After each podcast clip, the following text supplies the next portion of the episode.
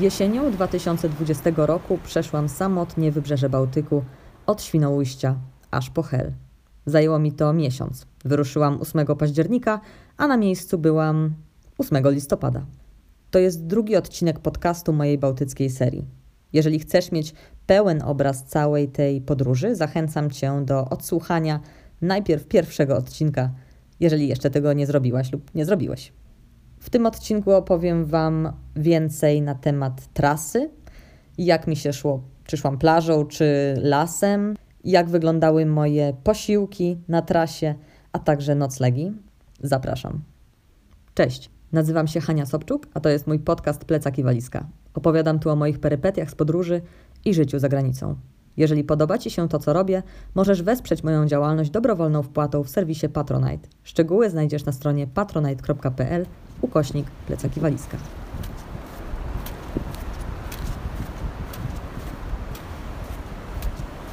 Zacznijmy od trasy. Pojawiło się pytanie, kiedy przejdę od Helu do Świnoujścia. Otóż e, to, że szłam ze Świnoujścia na Hel, to nie był przypadek, ponieważ u nas wiatry wieją zwykle z zachodu na wschód, czyli idąc ze Świnoujścia na Hel, ten wiatr nas po prostu popycha. I faktycznie miałam chyba może jeden dzień, kiedy wiatr wiał mi w twarz i nie był na szczęście jakiś silny, no ale czułam to, że idę pod wiatr i trochę z tym walczyłam. Natomiast e, innego dnia, kiedy był bardzo silny wiatr, który wiał mi w plecy, to kiedy zwykle robiłam pierwszy postój po około 5 kilometrach, to tego dnia po, zrobiłam po 6,5.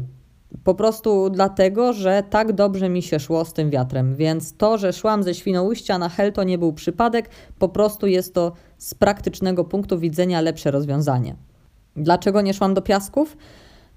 Z różnych powodów, dlatego że mm, musiałam skończyć i tak wcześniej ten marsz, zaraz czekał mnie remont mieszkania. Poza tym, no na pierwszy raz do piasków to jest chyba z 700 kilometrów. Natomiast ze Świnoujścia na Hel według obliczeń w internecie widziałam, że to jest 350 km, ale mi wyszło około 400 km, bo tam trochę trzeba było od wybrzeża odejść. No ogólnie wyszło mi ze 400.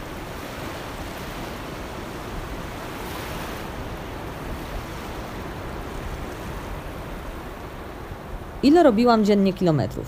W sumie to nawet nie liczyłam, jaką miałam średnią. Były dni, kiedy robiłam chyba najmniej 11 km, najwięcej zrobiłam 24 km. No z tym plecakiem muszę przyznać, że te 14 kg trochę mnie spowalniało. Może gdybym miała lżejszy plecak, szłabym szybciej, nie wiem. Robiłam sobie przerwy na odpoczynek. Tak mniej więcej co 3 dni. Czasami mi się zdarzyła przerwa, nie wiem, po dwóch dniach, czasami po jednym, z różnego powodu, bo raz na przykład na samym początku zatrzymał mnie sztorm w Niechorzu, który zresztą sobie nagrałam. Na początku myślałam, że w ogóle pójdę jeszcze te następnego dnia, że ten wiatr ok, będzie silny, ale może to nie będzie aż tak źle. No ale nie, to nie dało się zupełnie iść. Zresztą posłuchajcie. Wyszłam na plażę, żeby nagrać kilka materiałów do vloga i do tego podcastu właśnie w trakcie sztormu, chociaż to chyba nawet nie jest jeszcze sztorm. A warunki są dobre na 10 minut, ale nie na cały dzień, więc bardzo się cieszę, że zostałam, bo morze jest mocno wzburzone. Do tego wiatr wieje z tego kierunku, w którym bym szła, więc szłam, szłabym pod wiatr, ale żywioł niesamowity. Tak popatrzeć na to przez kilka minut. Morze jest po prostu dzikie. Ta energia jest. Dam Wam posłuchać trochę.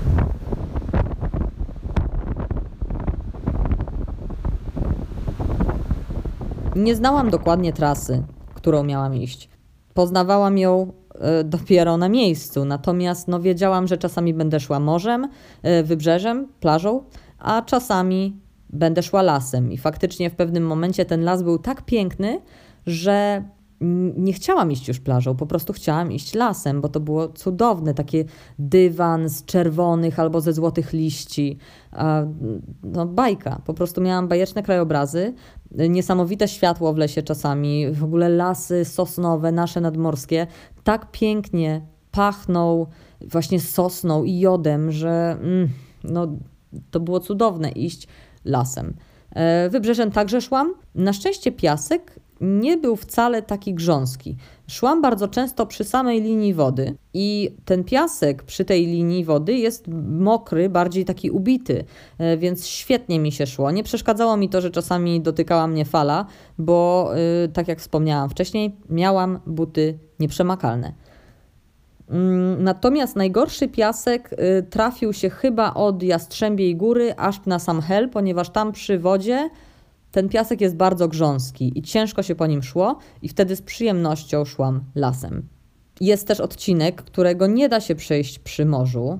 Y, jest to odcinek od Jarosławca do Ustki, ponieważ tam za Jarosławcem znajduje się poligon i on do, po prostu jest rozciągnięty na plaży i to z dobrych, nie wiem, 10 czy 15 kilometrów. I tam szłam szlakiem czerwonym przez Korlino i Duninowo chyba. Mm, tam miałam dwa noclegi. E, na początku bałam się trochę iść tamtędy, ponieważ e, moje nogi najpierw nie były przystosowane do takiego obciążenia, chodzi mi o plecak i o długi marsz. I kiedy szłam ubitą drogą, to czułam zmęczenie. Wolałam iść plażą, ponieważ plaża mimo wszystko, nawet jeżeli ten piasek był przy linii wody twardy, to, y, to mimo wszystko to było i tak miękkie, tak? Więc troszeczkę to amortyzowało kolana i to było świetne. Natomiast bałam się iść ulicą. I ten fragment, który musiałam odejść od morza i wejść w głąb lądu dosyć mnie na początku przerażał, bo bałam się, że po prostu moje stawy nie wytrzymają, ale okazało się, że już byłam tak świetnie rozgrzana, że super mi się szło. Bardzo fajny to był odcinek, przepiękne krajobrazy, e, w ogóle łąki, pola wszędzie, takie drogi boczne, nad którymi, wiecie, jest taki tunel z drzew zrobiony. Boże, no pięknie, pięknie to wyglądało. E, bardzo mi się podobało. I szłam y, wyznaczonymi szlakami czasami, a czasami bez szlaku, po prostu tak jak prowadziła mnie plaża. Nie zawsze szlak idzie plażą, a czasami plażą było przyjemniej iść. Na początku w ogóle myślałam, że będę robiła 20 km dziennie, ale potem szybko życie to zweryfikowało. Okazało się, że jest to troszeczkę za dużo, ponad moje siły, więc stwierdziłam, że nie mam ciśnienia, zrobię to troszeczkę wolniej, będę szła mniej dziennie, a weźcie też pod uwagę to, że kiedy ja szłam, to uwzględniłam sobie czas na to, że chcę robić zdjęcia po drodze, chcę zbierać ten materiał, który teraz właśnie dla Was przygotowuję. Więc czasami zdarzało się, że siadałam na postój na jedzenie, powiedzmy normalnie ja, taki postój zajmował mi 15-20 minut, żeby sobie na spokojnie zjeść i odpocząć, ale miejsce było tak przepiękne, że dodatkowo 40 minut zostawałam jeszcze po to, żeby sobie zrobić zdjęcia.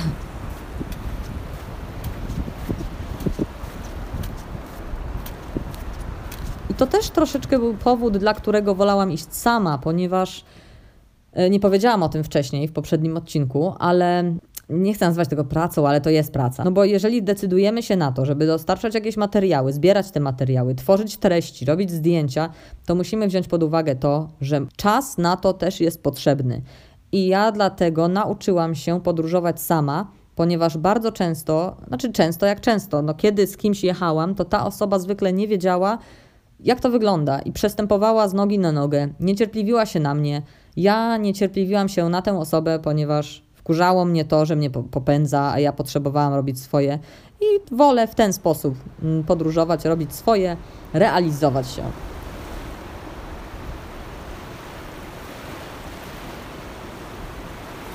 Pojawiły się też pytania o noclegi i o jedzenie. To może najpierw zacznę od tych noclegów.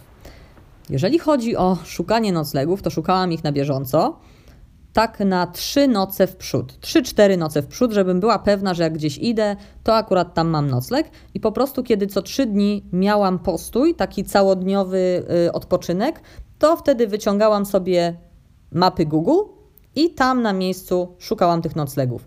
Jakich szukałam? W taki sposób, że na mapie po prostu przybliżałam na maksa i do każdego miejsca, które mi się na mapie pokazywało, dzwoniłam. Wyszukiwanie w internecie nie miało sensu, ponieważ wiele miejsc było y, już zamkniętych, niestety po sezonie. Im później w ciągu roku, tym trudniej znaleźć nocleg. Po drugie, y, jeżeli chodzi o booking, wiele osób mi sugerowało, żebym nocowała z bookingu, szukała noclegów na bookingu. Natomiast okazało się, że te noclegi są tak po 100-140 zł za pokój, a mój budżet wynosił 50 za dobę. Więc faktycznie, jak szukałam tak z ręki, to miałam dużo lepsze szanse. W niektórych miejscach miałam już schroniska młodzieżowe. Na przykład najtańsze schronisko młodzieżowe, w którym spałam, to było w sumie na plebanii. 20 zł za noc w Duninowie, tuż przed Ustką. I tam zrobiłam sobie po prostu postój na totalnej wsi, tam nic nie było, tylko sklep spożywczy, to dobrze, że był ten sklep. I za dwie nocy zapłaciłam 40 zł, gdzie na przykład najdroższy nocleg kosztował mnie w jastarni tuż przed Helem i on wyniósł 70 zł. Tak, on wyniósł 70 zł, a drugi taki najdroższy nocleg, jaki miałam, to w sumie w y, koło brzegu. Zadzwoniłam do jednej pani, a ona mówi: że u niej 80. Ja mówię, że drogo, a ona mówi, to niech sobie pani szuka gdzieś indziej taniej. Więc ym, znalazłam później u takiego pana, on zaproponował 70. Ja mówię, że wie pan, ja idę piechotą, wybrzeżem, to jest ponad moje, mój budżet. A on mówi, a pani piechotą? Piechurkę, piechurka taka. Ja mówię, no piechurka. A on mówi, no to 60. I w sumie tam i chyba w Międzyzdrojach jeszcze w PTTK też 60 zł, ale pokój był bardzo ładny. Więc to były najdroższe moje noclegi. Natomiast najtańszy to było w Duninowie 20 zł, e, w Świnoujściu też schronisko młodzieżowe chyba 40 Um, w Pobierowie też schronisko młodzieżowe to tam 35, nie, 24 zł za nocleg plus opłata za pościel. I tam też zostałam jeszcze jedną noc, to w sumie za dwie noce zapłaciłam 57 chyba. Zwykle trzymałam się tej mojej średniej, że 50 zł za noc. Miałam też takie pytanie, dlaczego nie spałam pod namiotem? Przecież wyszłoby taniej.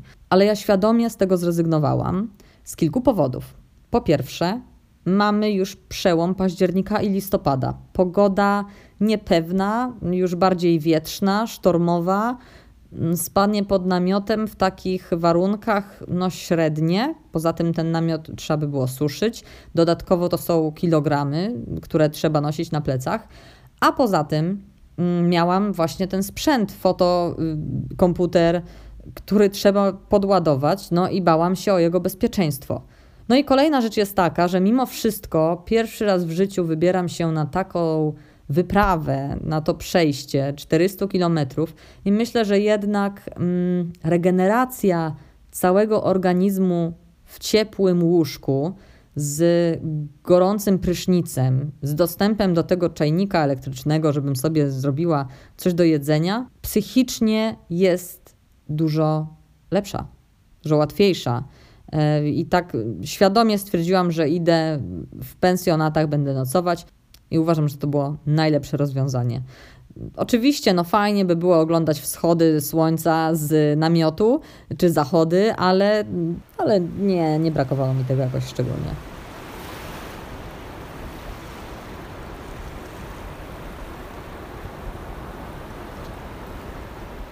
Natomiast jeżeli chodzi o wyżywienie, Wyżywienie kosztowało mnie mniej więcej 30 zł za dobę. I niestety nie mogę powiedzieć, żeby to było najlepsze jedzenie na świecie. Był to po prostu syf. Szczerze mówiąc. To znaczy, z czego składały się moje posiłki? Tutaj bardzo ważne jest też to, żeby wiedzieć, jaką wartość energetyczną mają konkretne posiłki. I przede wszystkim lepiej jest unikać węgli, węglowodanów, ponieważ węglowodany dają owszem zastrzyk energetyczny, ale na krótko. One są bardzo takim szybko spalającym się paliwem. Natomiast y, dużo lepiej jest czerpać energię z białka, ponieważ białko jest także budulcem mięśni. I w ten sposób, kiedy wybierałam sobie jakieś posiłki, bardzo często zwracałam uwagę na to, co jest napisane na etykietach. Jak wyglądały te posiłki? Na śniadanie najczęściej były to, nie wiem, dwie albo trzy kromki chleba, serek wiejski, pomidory koktajlowe i kabanosy. Albo szynka, albo ser żółty. Zdarzyło mi się też owsiankę jeść czasami. Owsianka była super opcją, szczególnie jeżeli trafiłam na taką owsiankę z dodatkową zawartością białka.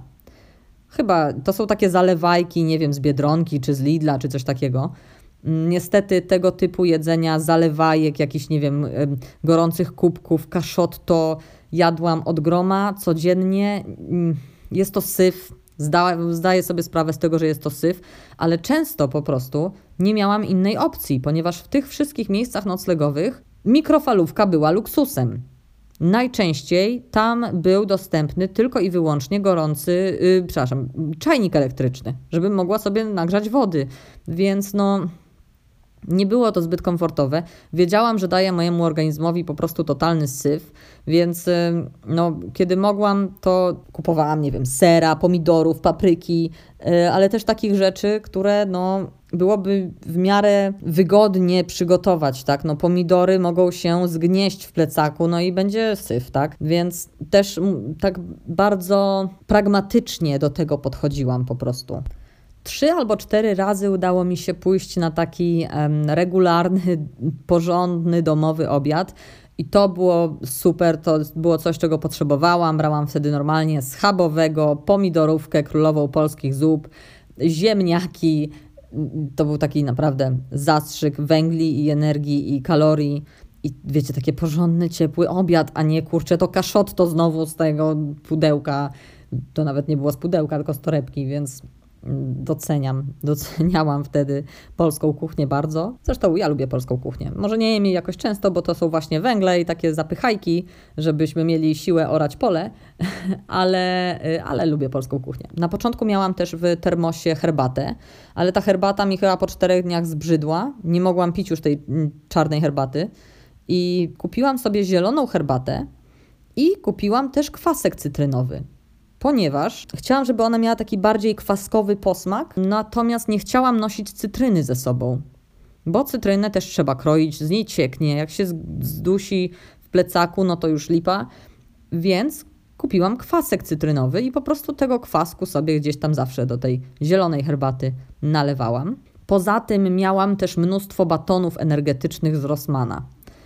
Wiem, że to jest słodkie, to są węgle, to jest cukier, ale przyznam, że te batony mentalnie uratowały mi życie, ponieważ w drugiej połowie dnia szczególnie miałam takie już momenty, żeby, żeby nawet co dwa kilometry zdjąć plecak i po prostu ledwo już czasami szłam, tak? Więc taki baton y, no, był świetnym, szybkim zastrzykiem energii, a do tego no, mentalnie pozwalał mi przeżyć. Poza tym świetną przekąską były wafle ryżowe z masłem orzechowym. Masło orzechowe ma mnóstwo białka. Jest też tak naprawdę słodkie, ale nie ma zbyt dużo węgli, więc mm, jest świetną taką energetyczną przekąską, która może także właśnie zaspokoić naszą potrzebę na coś słodkiego, tak? I to masło orzechowe to po prostu łyżkami zjadałam, yy, przegryzając waflami ryżowymi. To była świetna opcja. Na trasie oczywiście kabanosy, chleb, ser żółty, czasami humus też,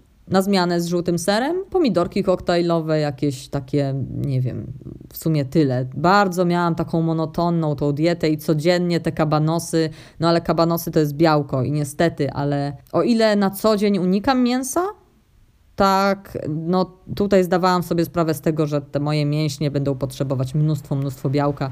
Kabanosy są świetną przekąską pod tym względem.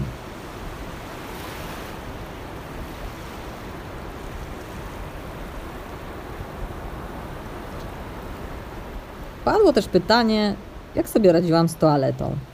Powiedzmy, że na tej plaży miałam wielką kuwetę tylko dla siebie. Więc radziłam sobie całkiem nieźle, chociaż zdarzały mi się chyba, nie wiem, ze dwa dni może takie miałam, że już no, chciałam gdzieś iść, kurczę, nie wiem, w krzaki. A nie mogłam, ponieważ tyle ludzi było wszędzie. Ale to zdarzało się też bardzo rzadko, bo mm, zwykle miałam takie dni, że totalnie nikogo nie było, przez cały dzień nikogo nie widziałam.